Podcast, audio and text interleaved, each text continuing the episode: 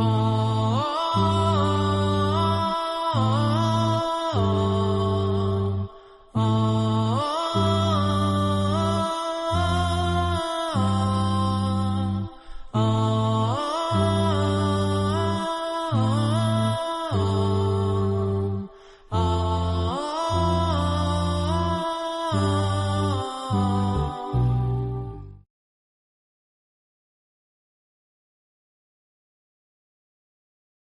Alhamdulillahi Rabbil Alamin, wa salatu wa salamu ala Rasulillah. Doista svaka zahvala pripada našim gospodaru Allahu subhanahu wa ta'ala, salavat mir i selam na Allahu poslanika, Allahu miljenika Muhammeda, alaihi salatu wa salam, njegovu časnu porodicu, njegovu uzor, te sahabe i sve ljude koji slijede put istinu sudnjega dana. Braćuma draga, evo nas opet u našem redovnom terminu četvrtak, čitaonica. Vraćamo se ponoš, ponovo našem dijelu komentar 40 hadisa imama Nevevija od Šeha Hajrudina i Osmana. U proteklih nekoliko sedmica družili smo se sa knjigom 30 savjeta za uspješan brak. Nakon te pauze, znači, vraćamo se a, e, ovoj knjizi. Večera se družimo s jednim veoma, veoma interesantnim hadisom. Hadis koji nam je i kako danas potreban u svakodnevnom životu, hadis od Ebu Zerra i od Muaz ibn Džebela radijallahu ta'ala anhu, koji bilježi imam Tirmizi, da je Allah poslanik alaihi salatu wasalam kazao Ittaqi Allahe hajthu kunt, wa atbi'i sejijete el hasenete temhuha, wa khaliqin nase bi huluqin hasen. Kaže Allah poslanik alaihi salatu wasalam u prijevodu značenja Boj se Allaha ma gdje bio.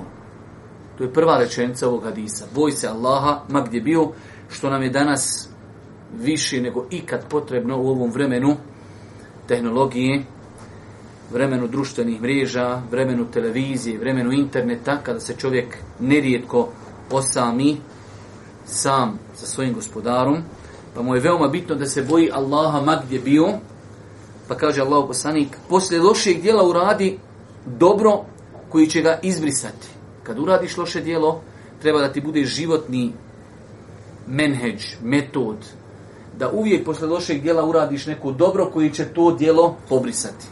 I treća rečenica kaže Allah poslanik, i s ljudima se opodi na najljepši način.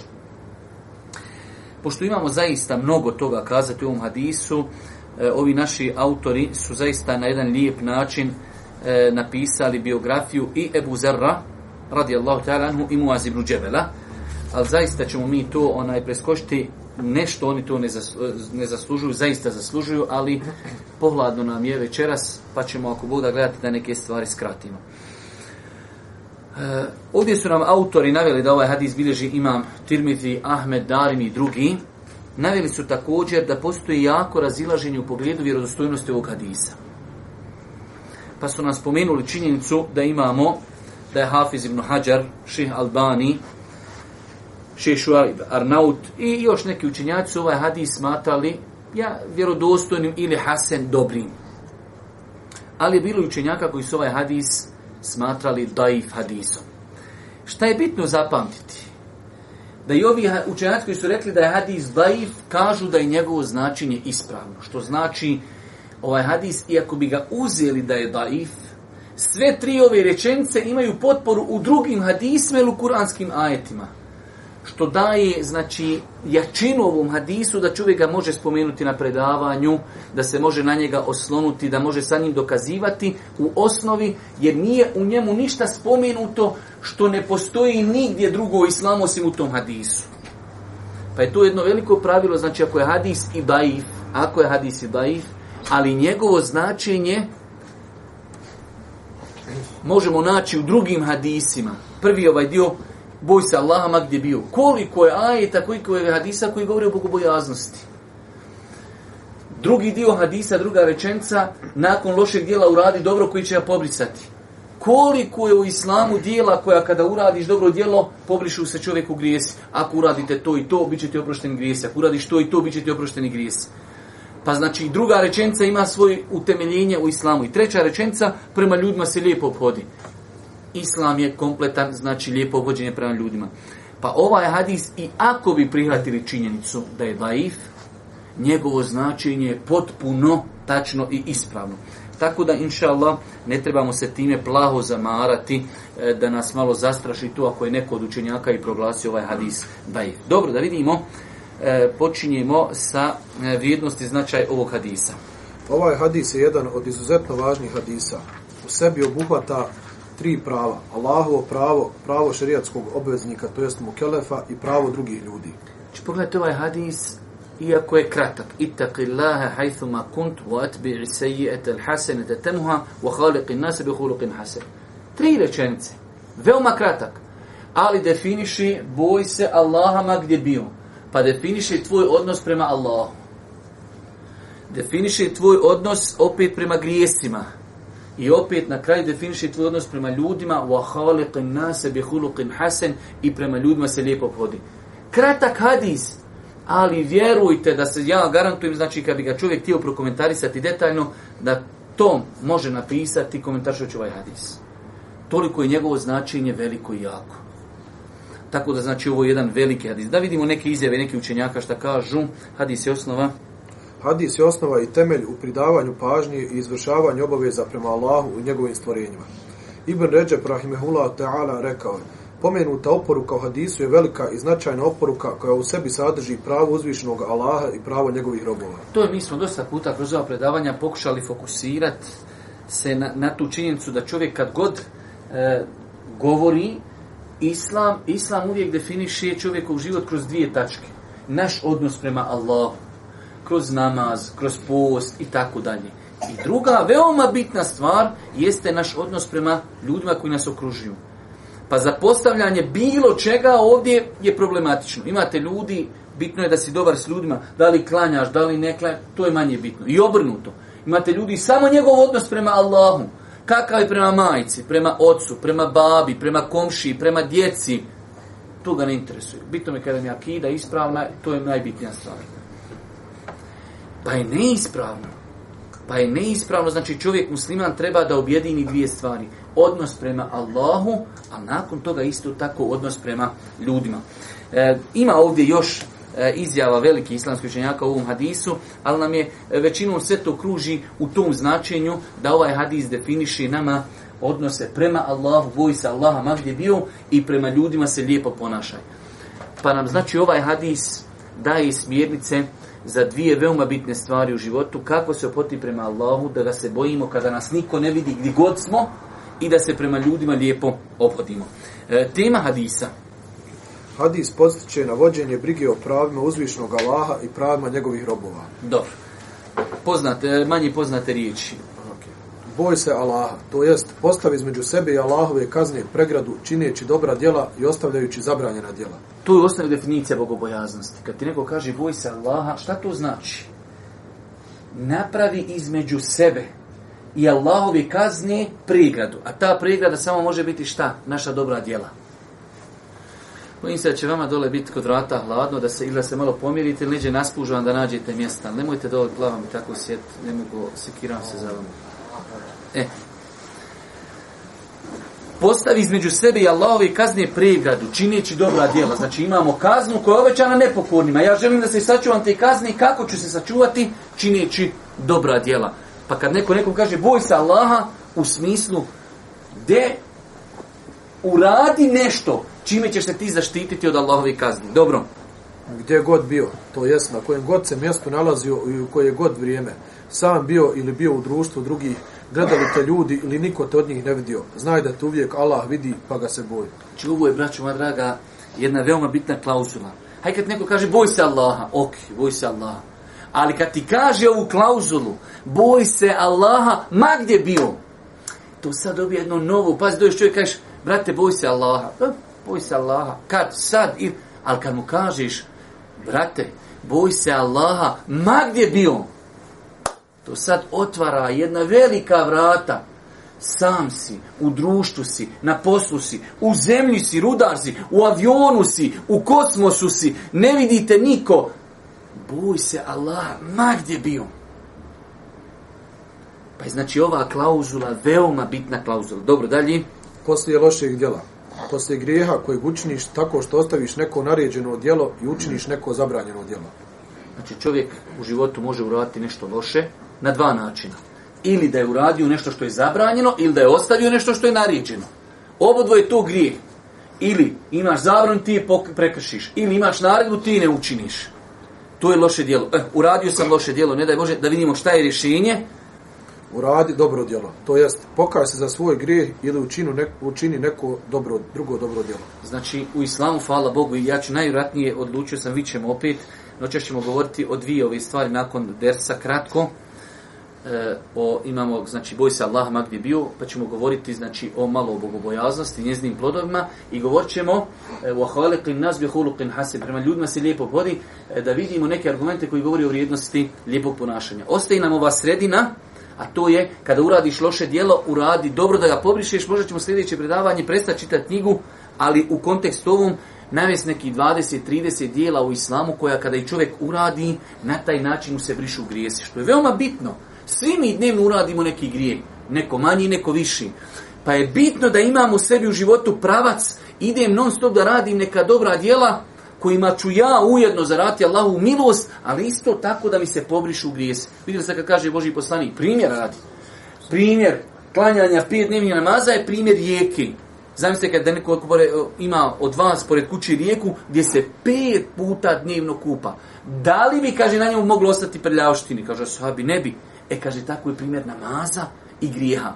Pa je namaz jedno dijela koje briše grijehe namaz je jedan ibadet koji briše grije. Imamo, ilhamdulillah, u Kur'anu i sunnetu desetine, desetine dijela. Učenjaci pisu, pišu zasebna dijela, velika dijela, tomove, dijela koja brišu grijehe.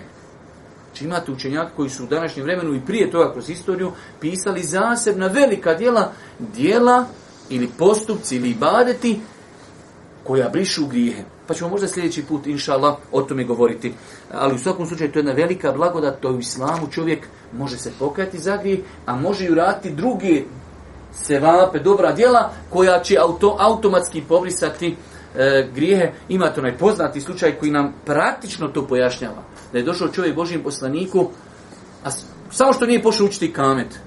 Kaže Allah poslaniće, uradio sam grijeh, Pa Boži poslanik mu se nije ono puno posvijetio, osvrtuo se, proučeni kamet, pa je čovjek opet došao ko se namaza, Allah poslanik ću radio sam gdje, kaže, jesi ti klanio s nama? Kaže, jesam.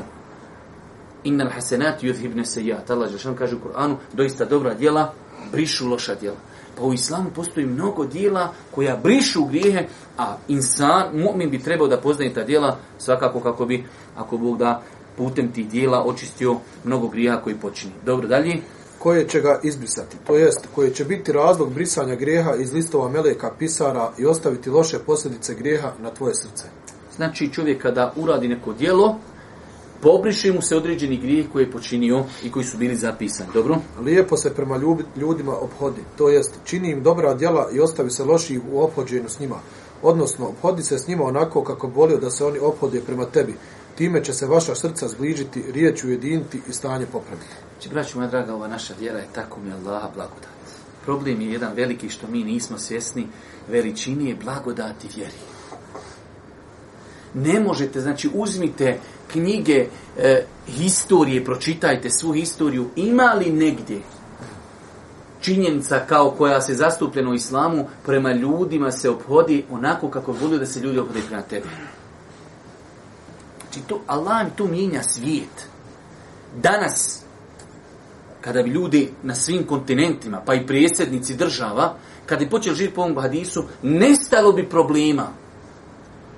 Nestalo bi problema dole u Siriji, nestalo bi problema u Iraku, nestalo bi problema, nema. Voliš, voliš li ti da neko dođe u tvoju državu da te napadne i da iskoristava tvoju naftu? Ne voliš. Nemoj ti njemu ići. Završena stvar. Pa znači kada bi ljudi živjeli po jednom hadisu, riješili bi se 90% problema na planeti bi nestalo s jednim hadisom prema ljudima se opodi kako voliš da se ljudi opodi prema tebi. Otac prema djetetu, djete prema ocu, radnik prema poslovođi, poslovođa prema radniku i tako dalje. Zato u islamu, kad, kad nešto želiš da uradiš, ne znaš je li ispravno ili nije, samo se postavi u situaciju kako bi ti volio da se prema tebi drugi ponašaju, da si ti u takvoj poziciji. Ono što ti srce rekne, tako si ti prema drugima ponašaj. Dobro. E, kratki komentar ovog hadisa. Ovaj hadis ubraja u poslanikove salallahu alaihi veselem vasijete u kojima poručuje svojim ashabima da žive po njima i da muslimani slijede te oporike u svakom vremenu i na svakom mjestu, da bi bili sreti na Dunjaluku i Ahiretu. Nakon što je Ebu Zer radi Allahu an primio islam u Mekki, naredio mu je vjerovjesnik salallahu alaihi veselem da ide svome narodu želeći da ih Allah njegovim uzrokom uputi na pravi put pa nakon što je vidio koliko mu je stalo da ostane s njim, salallahu alaihi veselem u Mekki, a znao je da nema snage za to, rekao mu je da se boji Allaha gdje god da je, jer je to preče njemu od boravka u Mekki, ovo je naredba i svakom muslimanu.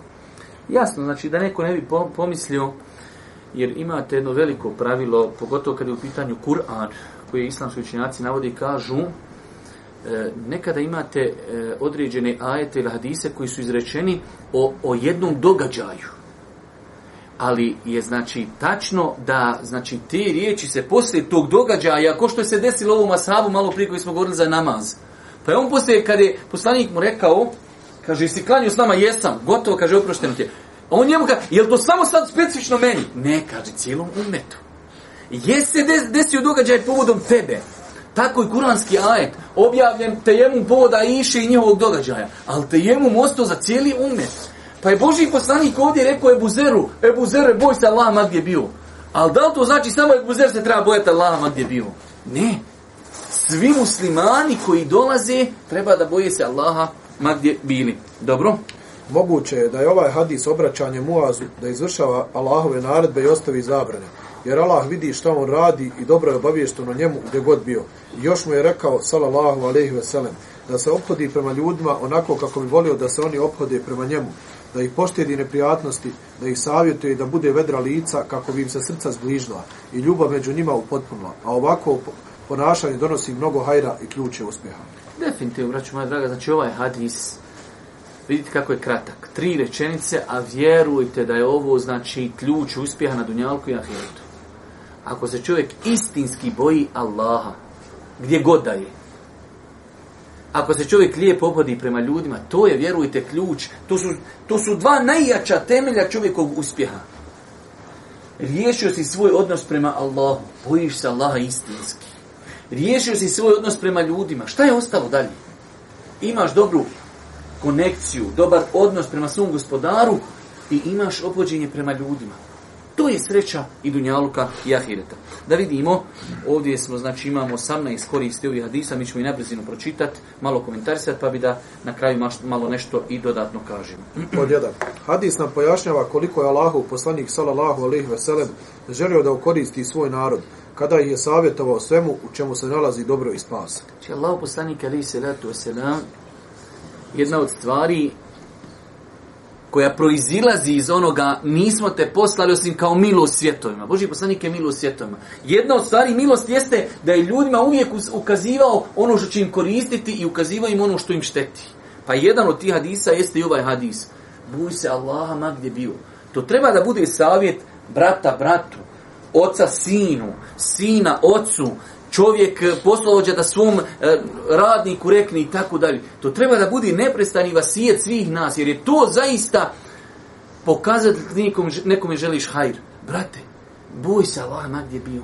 Ne govorim ti ono e, cinično, boj se Allaha, brate, šta to? Ne, brate, hoćeš put uspjeha, onda put uspjeha je boj se Allaha gdje god da si.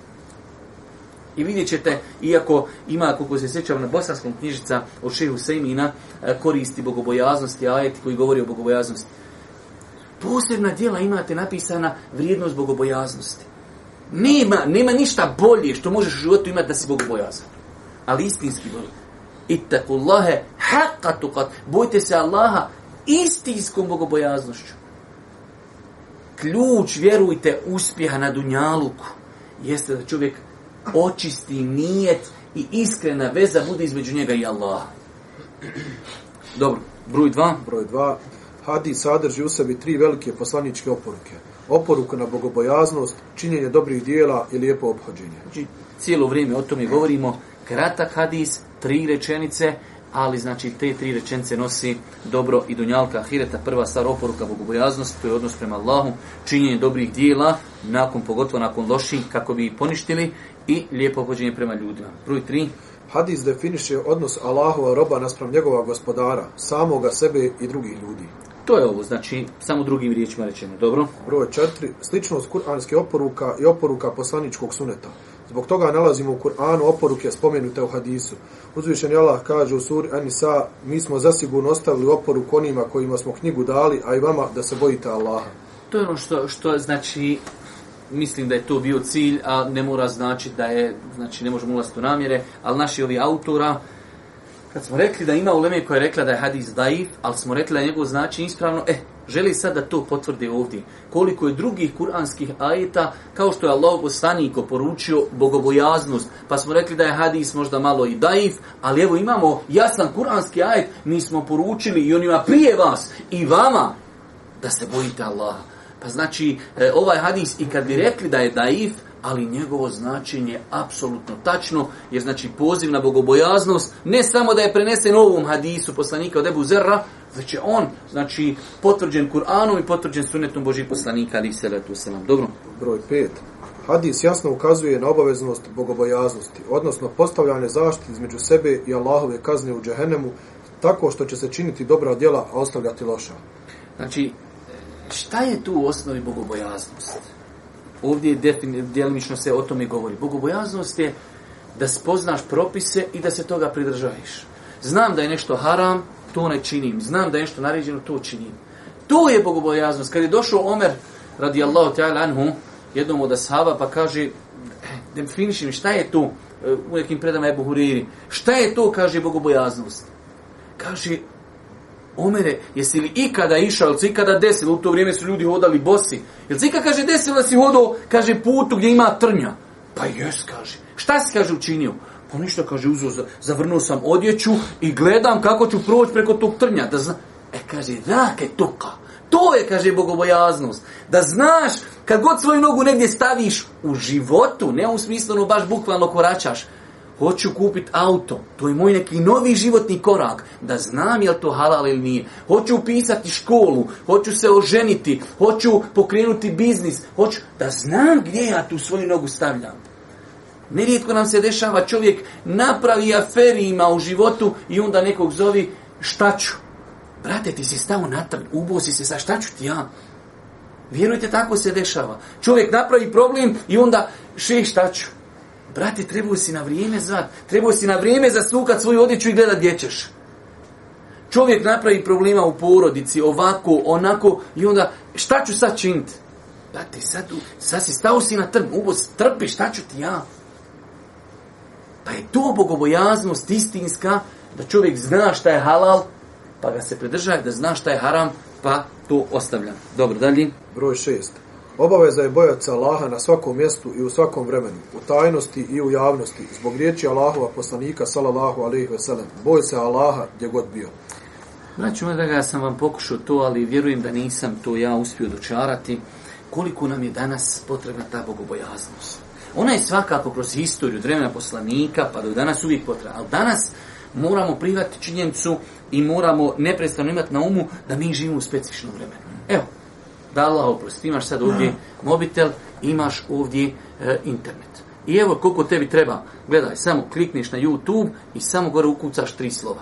I ti si već u haramu. Nekad to nije moglo tako.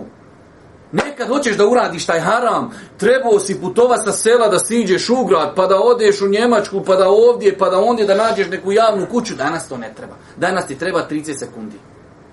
Danas šetan treba sam da te 30 sekundi operiše i da ti, oh, gdje sam, eto te. Danas ti treba to ko nikad u životu. Boj se Allaha, ma gdje bio. Danas, eh, znači, čovjek radi, mogućnosti varanja, prevare, znači, neka čovjeka čuješ kako ljudi, kako ljudi izmišljaju načine varanja.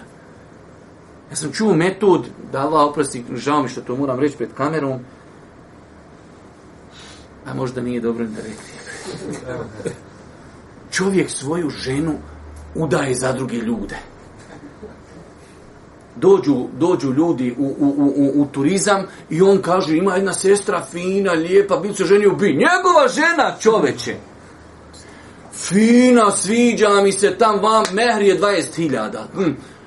Čovjek se sa njom zatvori, on odi se istuširati, ona pobigne, ova, halo, pobigla mi žena, ne znam ja kaj ništa, ona je ošla, kuknu, zdrava, prava, dje, nijem pojma. Čovjek svoju ženu udaje za druge ljude da zaradi novac tako. Ja, Rabčoć.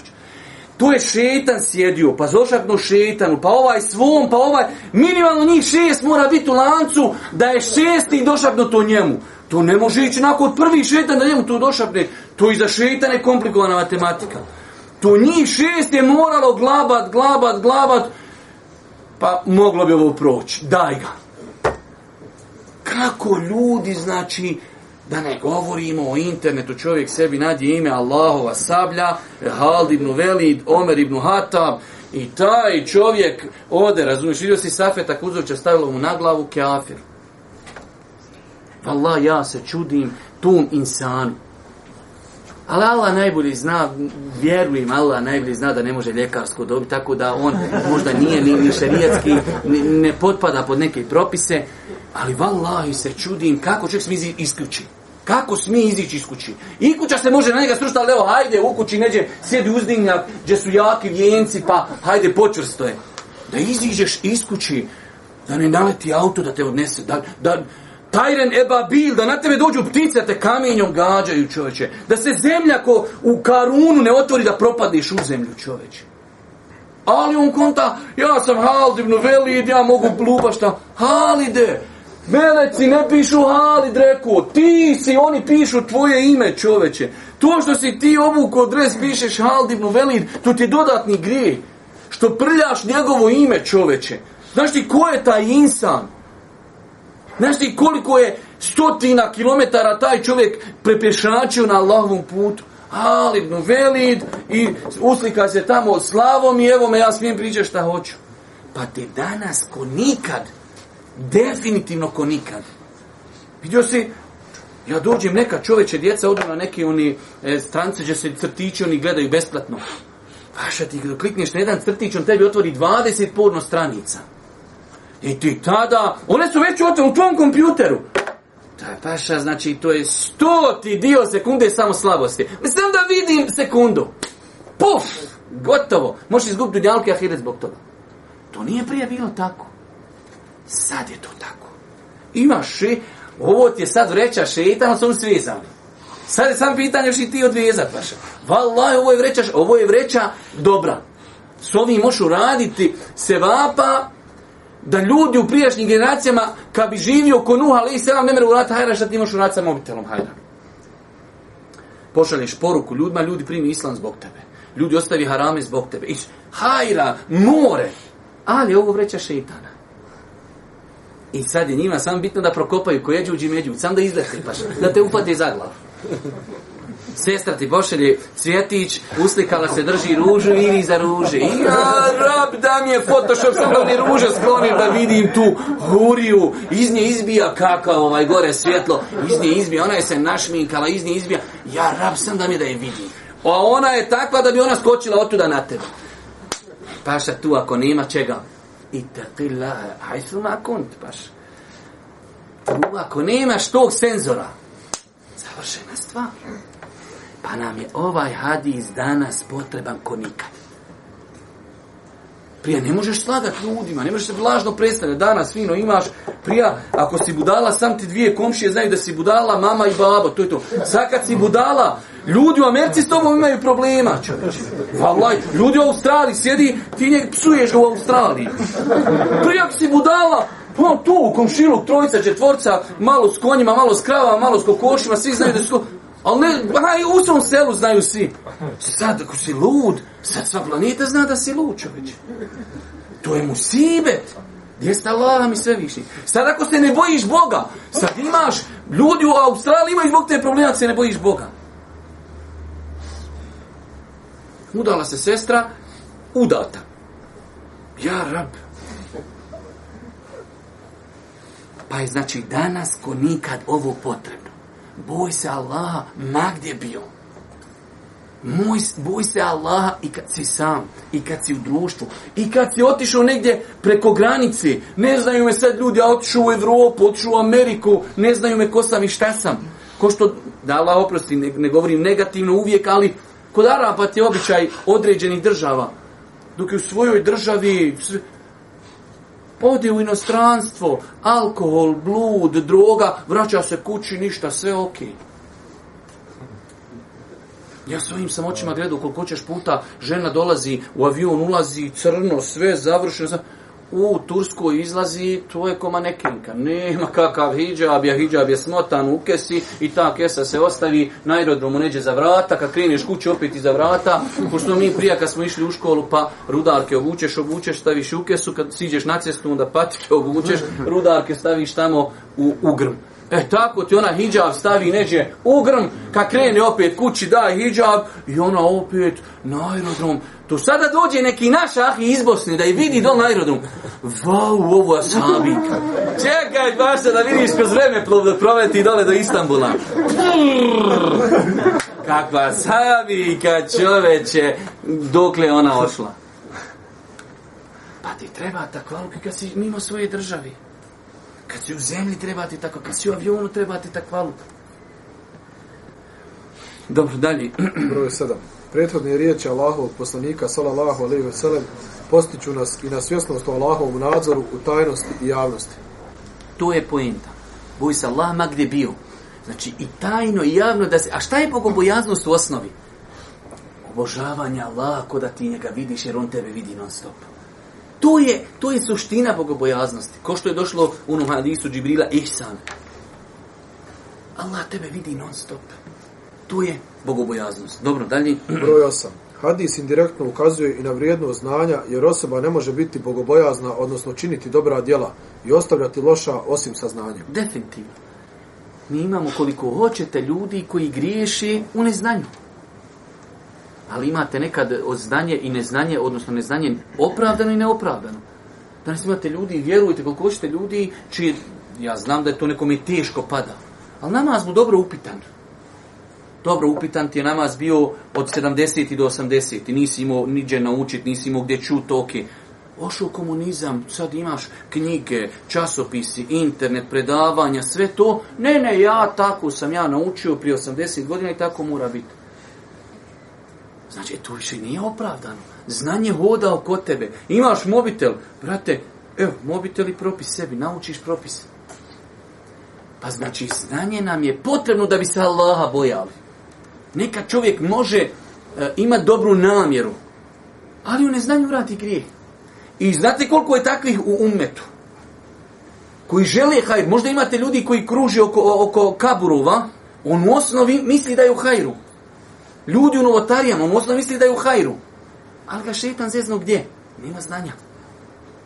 Pa je znanje osnova da bi se čovjek Boga mogao bojati Allah Đelšanu. Devet. Nakon što se uradi loše djelo, trebalo bi požuriti s činjenjem dobrog djela, jer će ga ono pobrisati. Uvijek bi čovjek trebao da uzmi sebi kao, kao neki menheđ, kao neki pravac u životu, da ako se desi da uradi neki grijeh, da požuri, da pohiti. Prva stvar da se pokaje Allah ođe s druga stran, s druge strane da pokuša da to nadomjesti. Da dadni sadake, da klanja noći namaz, da dovi, da uradi neko dobro djelo. Da uradi neko dobro djelo s kojim će uz Allahu pomoć pobrisati taj grej koji je učinio. Broj 10. U hadisu se nalazi poticaj na borbu sa samim sobom. Jer se od nas traži da kad god po, po, e, počinimo loše djelo, da odmah nakon njega učinimo dobro. Borba sa samim sobom, odnosno nadzor, ta muhaseba, da čovjek ne bude uradio ono loše djelo, ono ništa, ne primijetim, ne osjetim, ne, da sam sebe pod navnim znacima kritikuješ, da sam sebe pratiš, a, ne uzbila, uradio sam grih.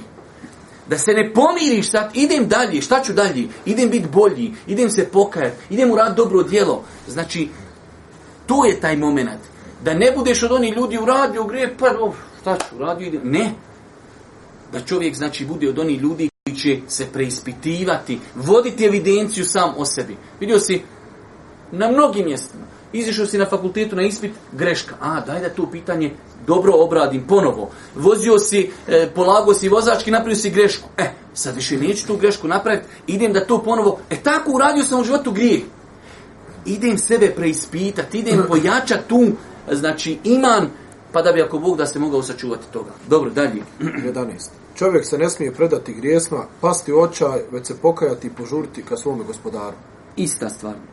Broj 12. Loša djela brišu dobra, kao što i dobra brišu loša. Ovo je veoma bitno. Vi znate onaj hadis onoga, tako je u naravskom rečeno, ali kod nas se prevodi bankrot muflis. Kada Allah poslanji kaže da uče čovjek na sudnji dan sa velikim dobrim dijelima, sa namazom, sa zekijatom, sa mnove planine, Čovjek bukvalno dolazi na sudnji dan ono u jednu ruku, spreman. Alhamdulillah, imam, imam toga da se vidiš kad uđeš u supermarket, imaš u novčaniku dosta novca. Mogu uzeti šta hoću, spreman sam, jak sam. Tako čovjek dođe na sudnji dan, alhamdulillah, čeka obračun da ide u džennet. Ali šta? Dobrim dijelima, e, lošim dijelima uništio dobra. Pa kaže Boži pisanje, nekog uvrijedio, nekog opsovo, nekog udario, nekog potvorio, nekom prolio krv. Pa će uzeti ovaj, pa će uzeti ovaj, pa će uzeti ovaj, pa će uzeti ovaj, pa će uzeti ovaj. Pa će uzeti ovaj. Ha? Nula. Nula je Arab. Čovjek došao sa dobrim dijelima, ko brda, nula. Još nije podmirio. Ne samo da je nula, nije podmirio. A, daj grijeha njihovi. Thumma turiha finnar. Zatim će ga baciti u vatru. Pa grijesi, pogotovo grijesi. Zato sam ja, e, ne znam, vjerujem ko prati moj rad, e, primijetili ste to, morate primijetiti koliko ja forsiram e, pitanje nepravdi prema drugim ljudima. Ovo nikako ne znači da grijesi koji su prema Allahu su manji, ali, braćo moja draga, nepravda e, prema ljudima je na stepenu posebnom. Trebaš tražiti halal ili će biti izmirivanje. Prema Allahu počinio si, ne daj Bože, blud. To je grije definitivno. Ali, noća sustaneš u zadnjoj trećini noći gospodarom, oprosti mi, neću više nikad završeno. Ali ako si čovjek ukruo nešto i ustaneš gospodaru, oprosti mi, a ne, ne, ne, ne, moramo da vidimo šta će Hasa reći stići Allaha, dobro, ali da vidimo šta će mu reći. Pa znači insan treba da se pazi kad je u pitanju nepravda. Kad su u pitanju tuđa prava, zašto? Jer će biti tamo razmirivanje, podmirivanje i obračunavanje. Pa se insan treba paziti dodatno, pazite svih grijeha, to je temelj. Ali se dodatno paziti grijeha, nepravda prema ljudima u svim njenim oblicima. Dobro, dalje. 13. Velika Allahova milost i dobrota prema njegovim robovima koja se ogleda u brisanju greha sa činjenjem dobrih dijela. Allah je šanu stvrte zemlji i nebesa. I mi nemamo pravo kao robovi reći zašto. Ali pogledajte milosti, moglo je biti bez imalo nepravdi nama, uradio si grijeh robe, grijeh stoji do sudnjeg dana, obračunati što budeš pametan na vrijeme. Ne, Allahova milost prema nama je uradio si robe grije, ima mogućnost da se on izbriši. Piše u tablu, napišeš na njoj nešto, nije dobro. Spužva, obrišeš i ona opet čista. E tako je islam. To, ali šta je to Allahov fadl? Allahova blagodat prema nama. Apsolutna pravda bi bila uradio si robe grije, čekaj sudnji dan i završena stvar. Apsolutna pravda. Nema dalje. Uradio si, obračunaj se. Ali ne, Allah je ostavio mogućnost da se ljudi pokaju, pa da se pobriši. I ne samo to, da se grijesi pretvori u dobra djela. I ne samo to, da čovjek dobrim djelima pobriši grijehe. Sve je to Allahova milost prema robovima. Sve je to Allahova milost prema njegovim robovima. I ne samo to, uradiš dobro djelo od 1 do 700 i kaže Wallahu yudaifu limen yasha Wallahu asunali Allah da i više od toga. U onom kuranskom majetu gdje se navodi u suri Al-Bekara, gdje Allah Žešanu poredi dobra djela sa klasom iz kojeg izniž, iz, iz, iz, zrno, iz kojeg iziđe sedam klasova u svakom zrnu, u svakom klasu po e, stotinu zrna. Pa Allah nagrađuje za jedno dobro djelo sedam stotina puta i više. A za grijeh samo jedan grijeh. Kakav god da grijeh duho rađe, jedan grijeh. Grijeh nikako ne raste. Osim ako ne daje Bože nekog prilaznog karaktera. I to ljudi, ne, nažalost, nekad ne, ne znaju imate grijehe koji su prilaznog karaktera. Izmisli neko neki šeitanluk. Hm, neko ko je prvi izmislio diskoteku. Paša do sudnjeg dana, ko god bude otvorio diskoteke, imat ćeš i ti grije. Ko što je došao kako Boži poslanik za sina Ademovog koji, koji je ubio svog brata. Nikad se, kaže, neće desiti bespravno ubijstvo na zemlji, a da se neće sahat odmota tam do kraja do njega na sudnjem dana. Jer ljudi nisu znali šta je bespravno ubistvo, dok nisu čuli od njega. Aha, kogod je to uradio, čuo od njega i naučio od njega, idu i njemu grijesi. Ali u osnovi grijeh uradiš, jedan je. Ali osim ako je, ako si ti taj neki da, da te šetam, baš ono, ga, ti si ga prvi uradio. E onda očekuj, znači, obračunavanje dodatno na sudnjim danu. Pa se insan treba toga čuvati. Ja sam to jednom navodio, vidite kako su kod nas određene sestre u, u, unakazile hijab. Do prije rata je bilo žena koja je pokrivena, pokrivena. I kad je pokrivena, nema šta zezat se. Pokrivena i završena sa. Sad, sad je više došlo vrijeme da Allah oprosti, da je veoma teško vidjeti ženu pokriveno, normalno pokrivenu. Neđe nešto fali. Ili je to strukirano, ili je to našminkano, ili je to turban kult talibana, ili je to suknja hlače, ili je to, ili je to kratko, ili je to usko, ali veoma rijetko neđe žena nosi džilbav i mahram. To, to ti je sad veoma rijetko. E, Boga mi oni koji su prvi počeli praviti modni revi od hijjaba, ima da ih čeka na sudnjem danu. Ima da ih čeka, definitivno. To je pravednost Islama. To što ti hoćeš da umotaš islam u celofan Evropa, pa šta će mi reći na poslu, pa šta će mi reći na aerodromu, pa da se malo našminkam, pa da se malo zategnem, pa da se malo utegnem. To, ni, to su neispravno opravdanje. Pa insan treba da se pazi, da ne daj Bože ne bude od ljudi koji su uveli određene stvari, oživjeli neke stvari koje ljudi nisu prija znali. Boga mi će biti obračuna. Dalje. Broj 14. Hadis kod vjernika razvija osjećaj straha od Allaha i nade u njega. Bogobojaznost postiče vjernika na strahu od uzvišenog, dok brisanje greha dobrim dijelima postiče vjernika da se nada svome gospodaru, a strah i nada su posebna djela srca.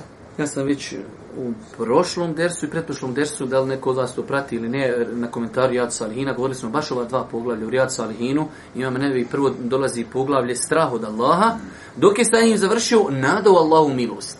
Pa je takav čovjekov život, i to je ispravan život, da čovjek se nada, bez obzira koliko god da pogriješiš, da kažeš, Allah je milostiv, Allah, Allah, Allah je milostiv, ja ako ništa imam teohid, imam, imam monoteizam, imam, e, vjerujem u Allaha, rekao sam la ilaha illa, trudim se. To je ono što ti daje nadu, ali s druge strane, imam grijeha, šta ću, kako ću, pa da to bude nešto što će te balansirati u životu. Ne da, ja sam rekao, alhamdulillah, la ilaha illallah, pa nesi paša. Ma, inša Allah, Allah je milostiv, Allah oprašta, Allah je... Allah oprašta kad mu se približavaš na način da tražiš njegovu milost. Ama ti tražiš Allahovu kaznu.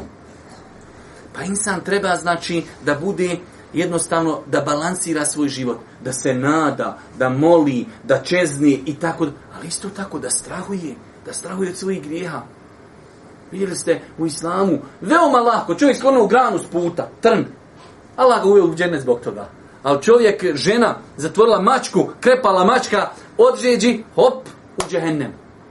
Zato je Boži poslanik kaže u rodosnom hadisu, džennet je nekom od vas bliži nego kajševi njegovi na nanulama. Ali džehennem je, kaže, isto tako blizu. To je vala, kad ti sam rekao džennet je blizu, alhamdulillah, džennet je blizu, im se sami bitno da uletimo. Ali pa se vršu uleti u drugu stranu. Pa te to balansira u životu. Strah i nada. Dobro, dalje. 15. Obave, obaveza je svim Allahovim stvorenjima obhoditi se na lijep način shodno njihovom stanju, te da se otklanjaju neprijatnosti od njih. Definitivno, dalje. 16. U hadisu je pojašnjenje koliko vjera Islam posvećuje pažnju među ljudskim odnosima. Govorit ćemo poslije o tome, definitivno mi smo uvijek kroz ova naša predavanja pokušali e, da e, istaknemo tu činjenicu. Nerijetko nam se dešava da nam ljudi želi nametnuti percepciju vjere. Vjera je tvoj odnos prema Bogu. U džami si, kad iziđeš, ti na pijaci, ne treba se primijeti tvoj islam. Na radnom mjestu, na ulici, u vožni, u avionu, ne, ne, ne. Tu smo svi isti. U džami si ti muslima. Ne, ne, ne, ne. To je, to je katastrofa, to je ubijstvo, to, je, to ne može se definisati šta je to. Islam tek treba da se definiši tu i da se vidi u obhođenju prema roditeljima, prema djetetu, prema komši, na ulici, e, čuvanje jezika i tako dalje. To je islam. To je, to je islam i islam definitivno. Vidjet ćete, ja sam zakaj pripremio neki desetak hadisa koji govori o težini lijepog ponašanja u islamu. Valaj da ti mozak stani. Valaj vam kažem da ti mozak stani kad pročitaš hadise koji u islamu govori o težini lijepog ponašanja u islamu. Valjda čovjek sam kaže, ja ću samo klanjati farze i bit ću dobrog ahlaka. Toliko, toliko su velike nagrade za lijepo ponašanje u islamu. Broj 17. Hadis nam jasno govori o vezi lijepog ponašanja i bogobojaznosti. To jest, da lijepo ponašanje upotpunuje bogobojaznost. Ibn Ređep Rahimehullah Teala kaže, Lijepo ponašanje je pokazatelj bogobojaznosti i bogobojaznost ne može biti potpuna istinska osim s lijepim ponašanjem. Ovo je, braćo moja draga, ispravno razumijevanje kad ti dođe čovjek i kaže ja sam bogobojazan, ali vara, petlja, krade, zulum čini i kaže ja sam bogobojazan. Jer kad to bogobojaznost između mene i Allaha, ne brate moj, to je, to je dio tvog života. A šta je sa nepravdom koju činiš supruzi, djetetu, komšiji, ocu, prijateljima, poznanicima, na poslu? I... Pa to je bogobojaznost. Pa znači, e, naše ponašanje i bogobojaznost su u uzročno-posljedičnoj vezi. Nemoguće nikakve, ja sam bogobojazan, na svakom koraku činim zulom ljudima. Nemoguće baš, nemoguće. 18. Hadis nam govori o sveobuhvatnosti naše vjere koja tretira sva životna pitanja. O tu mi smo, znači, govorili da ovaj hadis e, objedinjuje naš odnos prema gospodaru i naš odnos prema e, ljudima. Za kraj ja ću, nako, volio sam malo nešto interaktivno da malo i vas pitamo, ali nijemo vremena. E, volio sam, pošto prvi dio ovog hadisa govori o bogobojaznosti. Nedjetko nismo svjesni šta sve sa sobom nosi bogobojaznost. Pa kad čovjek bio, ali ono pravo svjestan, svakog dana kad ustane i uzme papir na kojem će pročitati koristi bogobojaznosti, vjerujte da se, da, da se promijenio njegov život. U odnosu prema supruzi, prema djeci, prema komši, prema poslu, prema Allahu i tako dalje. Pa primjer radi prva stvar. Fa inna Allahe yuhibbul mutaqin. Doista Allah voli bogobojazne. Treba li ti Allah ti veća satisfakcija da se ti u svom tom trudu, kad ti se trudiš da budiš bogobojazan, da znaš da ideš putem da te Allah voli. Vidio si koliko neka čovjek maštaš da te zavoli roditelj, zavolite supruga, zavolite dijete, pa se trudiš, pa sve. A to su prolaznici. Dunjaluš, šta misliš da radiš djelo koje vodi ka ljubavi uzvišenog Allaha? A najbolji put jeste bogojaznost. Pa primjer radi druga stvar, pomoć od Allaha, kaže uzvišeni Allah, inna Allahe ma'alledine taqav, doista je Allah sa onima koji se Allaha boje. Kad dakle, se Allaha bojiš, uvijek znaj da je Allah, da ti Allah pomaže na tom putu. A Boga mi s druge strane, kad okriniš, kad okriniš na drugu stranu činiti grijehe, onda ne očekuj, osim ne daj Bože, nešto loše. Isto tako, kaže uzvišeni Allah, in te tekullaha jeđa'a lekum furkana. Ako se vi budete Allaha bojali, ako se budete bojali, šta je odgovor? Allah će vam dati, podarit će vam furkan. Šta je furkan? Da razlikuješ istinu od neistine. Allaha mi svevišnjeg, da nema bogobojaznost, a ima stotine koristi, da nema drugu korist osim ove dovoljnuti. U ovom današnjem vremenu, vremenu izazova, grijeha, e, interneta, problema, iskušenja, pocijepanosti umeta, e, frakcija i svi, ja sam u pravu. Dođu ti šije, psuju Ebu Bekra, on reka je, ovo je hak, ovo je istina, ovo je. I imate bošnjaka, odu za njima. Pa svi kažu mi smo u pravu. I svi bajak imaju neke dokaze. I u današnjem vremenu da ti kažeš ja vidim Allah mi vidim jasno istinu od neistine ko što se dan od noći razlikuje. Jedan od načina im je to da je zbog bojaznost. Da budeš iskren prema Allahu. Intetakul, ako se vi budete Allaha bojali, neću da, da pogrešno me shvatite. Definitivno čovjek može biti u datom momentu bogobojazan pa popustiti. Ali kada vidite čovjeka da je u datom momentu bio jak, sve, i nakon toga ga vidite da je popustio neklanja žena, ovo ono, znajte da je počelo od otuda. Definitivno. Zakazuje u ovom momentu. Pa zakazuju bogobojaznosti, pa mu je Allah dao da mu, da mu se ispreplete istina sa neistinom. Isto tako, Allah Žešanu u suri e, Tala kaže, وَمَنْ يَتَّقِ اللَّهَ يَجَعَ لَهُ مَحْرَجَ وَيَرْزُقُ مِنْ حَيْثُ لَا يَحْتَسِبْ Ko se bude Allah boju, Allah će mu dati izlaz. I obskrbit će ga. Mi imamo najveći problem na planeti, obskrba. Ha, Allah kaže, i Allah će te obskrbiti. Ali tvoje šta? وَمَنْ يَتَّقِ اللَّهَ Ko se Allah bude boju. Isto tako,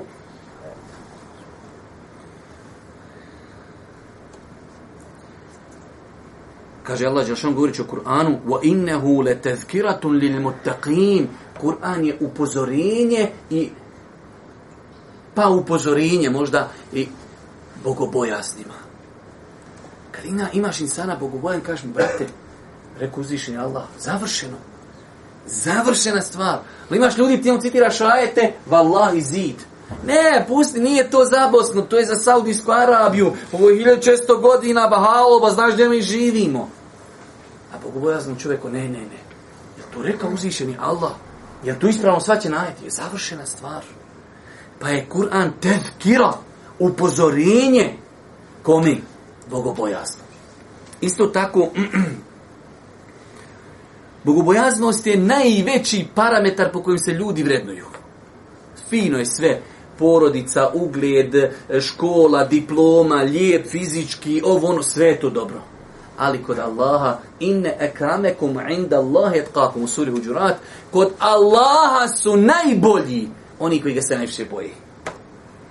I ovo Allaha mi zapadnjacima otvara vrata. Oni ovo kad čuju, ali razumiju ispravno, to njima otvara srce da prime islam. U islamu možeš biti e, crn, možeš biti bijel, možeš biti visok, možeš biti nizak, možeš biti neškolovan, možeš biti sve. Ali tvoj odnos prema Allahu. Zato je došlo u onom hadisu kada je Allah poslani kada se ratu sa jedne prilike sjedio s čovjekom, pa je pored njih naišao onako čovjek ugledan, lijepo obučen, sve. Pa kaže sam, šta mislite o njemu? Kaže Allah poslaniče, vrh, nema dalje. Taj čovjek ako ode, kaže negdje prosi djevojku, evo, evo došao onaj bogati s Mercedesom sa, u Švedskoj, pašoš, gore ima boravnu vizu, vodi, vodi, vodi. Ne gledaj mu zube, kakvi su socijalni ili su pravi. Kaj poslije će taj ako dođe, ah, ne išu poslije siroma, e, pocijepan, čupan, šta kažete ovo mi? Taj kada ode prosit, mm, Golfom bojkom došao, voz, voz. Kaj tako, ode neđe se zauzimati, on kao da se za nekog zauzme. E, brate, aj pomozi ovomu. Bude, ti si tošao, plis na jedan voz. Kaže Allah, ali ovo je sad kaj Allah postanik. Ovaj, ovaj je bolji od onog malo prije, kad bi se onog malo prije puna planeta naredala. Šehu Lisavljivu temije kaže, ne postoji na planeti vrsta. Vrsta. Znate šta znači vrsta? Imamo, znači, e, da li su to životinje, da li je ovo, da li... Ne postoji na planeti vrsta, na osnovu ovog hadisa, da jedna jedinka iz te vrsti može biti toliko bolja od druge jedinke kada bi naredio cijelu planetu, osim čovjek. Ne postoji, evo uzmi, lav. Da je toliko skuplji od lavova kad bi se naredio... Ne, može biti skuplji od dva, tri lava, maksimalno pet. Ne postoji riba koja je skuplja od sto riba. Ne postoji krava i tako dalje, osim čovjek. Jedan čovjek može biti bolji od drugog, kad bi se njih naredan nakučalo se cijela planeta, ovaj vam bolji. Jarak. Jarak. Još vidi ga, pocije, pa ne zna ga niko ništa. Kaže Allah poslanik, leu akseme ala Allahi le barra. Ima, kaže, ljudi, kaže, vi ne predajte pažnju. Wallahi, kaže, da sam podigne ruke, šta god da zatraži od Allah, odmah ćemo Allah dat. Ne zna ga niko. Ne zna ga niko. Ko vesel karani. Ne zna ga niko. Ali, samo podigne ruke, pff, pravo. Ja rap. Kad je Sad ibn Ebu Vakasu, Sad ibn Ebu Vakas, poslanik mu obećao džennet. I došla žena i kaže, uzurpirao si mi zemlje, ovaj bunar je, to je, kaže, na mojoj zemlji, nije na tvojoj ja kažem sam uzurpirao tvoju zemlju, meni postani goveć od džene da je meni do tvoje zemlji. Ja, kaže, koji sam čuo poslanika da je rekao ko uzurpira čovjeku pedal zemlje, Allah će mu sedam takvih zemalja staviti na leđa, je li moguće? Kaže, molim Allah, ako si, kaže, slaga da, da umreš u tom bunaru. Pa bila slijepa, hodala i u bunar propala. Ne igraj se, ne igraj se, ne igraj se sa ljudima. Čovjek prašnja, ču, ne diraj, šuti, šuti tako mi Allah, šuti. Ne znaš kakav je taj rob, možda cijelu noć plaći Allah. Šuti čoveče. Sveži jezik i šuti. Imate ljudi, to su takve kvalifikacije. Ovaj prodana duša, ovaj ne velja mu nijet, ovaj munafik, ovaj tagut, ovaj čafir, ovaj novotar. Halo, spusti se na zemlju, bolan. Allah će te pitati za tebe. Ostavi se drugi ljudi. Ostavi se kvalifikacija ljudi. Šta mislite tako vam Allah? Hajde onako, nemojte pogrešno shvatiti. Dođe sad neko ovdje od nas, ono malo hukne, alkohol se iz njega čuje. Šta bi mi sa njim uradili? Na paša izbili bi ga nogom dole, zakotili bi se do carevi džami i uletio dole u Miljacu. Ta, pa, daš, onader smrdiš ovdje, idi se ispuši, razumiješ. Asab gleda očima poslanika. Gleda očima poslanika dovode ga jednom zbog alkohola, dva put, tri put, četiri, pet puta. Kaže jedan, halo, doka čoveče, poslanik, evo gleda to zabranjuje. Da Bog, da ovako, da... kaže Allah poslanik, nemoj pomaga šetana protiv nje. Ja ne znam o njemu ništa osim da voli Allaha i poslanika. Jer, u nas toga nema. U nas je, moraš razmišljati ko ja sto posto, ili mimo toga ti si protiv mene čoveče. A e, pa piću i kako? To nije opravdanje alkohola, nikako. Ovo nije poigravanje sa grijesima. Ali kaže Ibn Kajim, rahmetullahi alihi, ima ljudi koji će u dženje tući zbog grijeha. A ima ljudi koji će zbog sevapa ući u vatru. Uradi čovjek grije i čitav ga života i grije kopa. I čitav život se popravlja zbog tog grija. Neće mi Allah oprostiti. Trebam biti bolji, trebam biti bolji, neće... Mi imaš ljudi uradi dobro djelo i o, oh, ne trebam ja više ništa, ja sam zaslužio sve što si imalo zaslužiti. Pa nekad grijeh može biti koristan. Ovo ne, nikako ne znači pozivanje u grijeh. Ali hoću da vam kažem, nemojte, nemojte se petljati tamo gdje nam nije mjesto. Isto tako, oprost grijeha, koliko mjesta uzvišnja Allah subhanahu wa ta'ala u Kur'anu spominje da će okrostiti grijehe i uvesti u džennet ljude bogobojazne i na kraju Allah Žešan kaže u suri Muhammed, meferu dženneti leti uidel mutekun, primjer dženneta koji je obećan bogobojaznima. Džennet najveća nagrada. Pa bogobojaznost, bogobojaznost, bogobojaznost. Isto tako, s druge strane, smo da ovaj hadis ima tri rečenice. Prva je bogobojaznost, druga je oprost grijeha, treća je odnos prema ljudima kroz dobro ponašanje. Evo vam nekoliko argumenta koji ukazuju na lijepo ponašanje. Ja znam da ima, ima ljudi koji se e, e, kako se to kaže, naježi se. Kosa im odmah počne, ako su išli na umru za heftu dana, im naraste kosa, kad im pričaš o ahlaku. E, samo pričat o ahlaku, da, da, dok smo živi, pričat ćemo o ahlaku. Što je poslanik Ali Selatu Veselam izrekao desetine hadisa o ahlaku, ko taj ahlak nije bitan. A sad ćete ovi presute, je bitan ahlak u islamu ili nije. Kaže Allah poslanik u vjerodosnom hadisu, Ekmelul mu'minine imanen najpotpunijeg imana, nije rekao najpotpuniji stomaka, mišića, obraza, najpotpunijeg imana su ljudi sa najboljim ponašanjem. O, gdje si sad mrga? Hajde da vidimo sad kaj... Hava, kaj meni je bitno da mi akida ispravna. Kaže, ahlak, manje je bitno. Ja, rab. Kad šitan sam zajaš insana.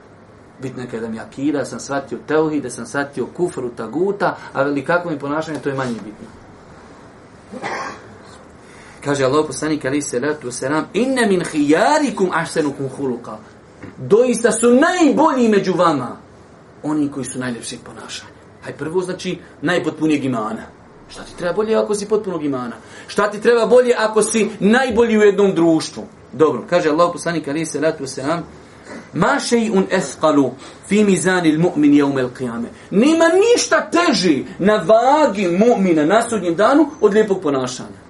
Ja, rab, je li nam u interesu da imamo teški dijela ili laki? Je li nam u interesu da imamo gibeta, nemimeta, potvore, zuluma, nepravdi, udavanja žena Arapima ili, ili hoćemo nešto teško na ahiretu? Najteža, kaži, min eskali, me najteže stvari lijepo ponašanje. Jarab. I onda dođe čovjek kaže, sam pričat o ahlaku. Valaj da pričaš cijeli život, opet nisi dao pravo ahlaku, koliko, koliko ahlak ima pravo. Kaže Allah poslanik ali se rekao se nam. Čovjek sa lijepim ponašanjem dostiže stepin saimul qaim. La ilaha illa.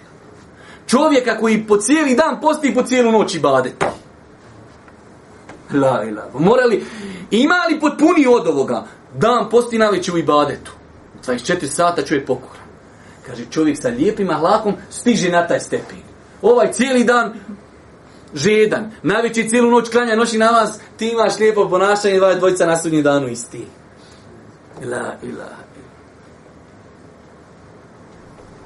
Kaže Allah poslanik alaihi salatu wasalam, za njega uzvišeni Allah kaže wa inneke la ala huluqin azim doista si ti na visokom stepenu morala ta isti poslani kaže gospodaru uputi me na dobar ahlak ne može niko uputi na dobar ahlak osim ti subhana čovjek koji je Allah opisao da je lijepog ponašanja nima više potreba da se popravlja uopšte On dovi Allahu, gospodaru, uljepšaj moj ahlak, ne može niko uljepšati moj ahlak osim tebe.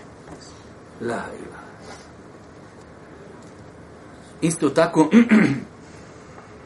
Allahu poslanik je dovio, kaže, gospodaru, kao što si uljepšao moju fizionomiju, pa sam lijep, u skladu sam, imam oči, imam uši, imam usta, moja fizionomija je lijepa, fi ahseni takvim, kao što Allah Žešan kaže u Kur'anu, čovjek je stvoren u najljepšem obliku, kaže Allahu poslanik u dovi, kao što si me uljepšao fizički, uljepšaj tako i moj ahlak. Ja, ahlak Božijeg poslanika koji je podučio vallahi cijelu planetu ahlaku, on moli Allah da mu još popravi ahlak.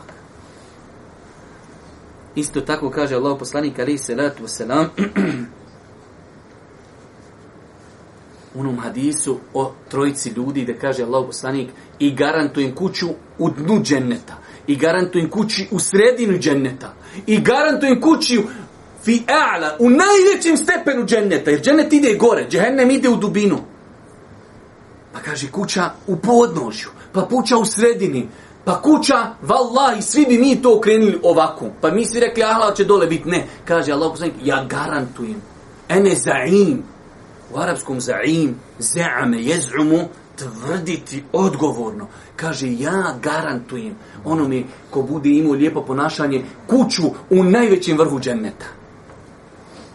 Jarab. Jarab. I na kraju kaže Allah poslani kad su ga pitali zbog čega će najviše ljudi ući u džennet, šta je rekao? Je li rekao zbog ibadeta nekog? E takva wa husnul huluk. Najviše će ljudi ući u džennet po riječima Božeg poslanika zbog bogobojaznosti i zbog lijepog ponašanja. Molim Allah, Žešan, da nas učesti na putu istini. Molim vas, Fana, Matana, da nam unijem na sudnjem danu na kraju. Subhanak Allah, da bih amdike, šedben, la ilaha ilan, stakfirka, tubu i lek. Vidimo se, inša Allah, bizna, sljedećeg četvrtka.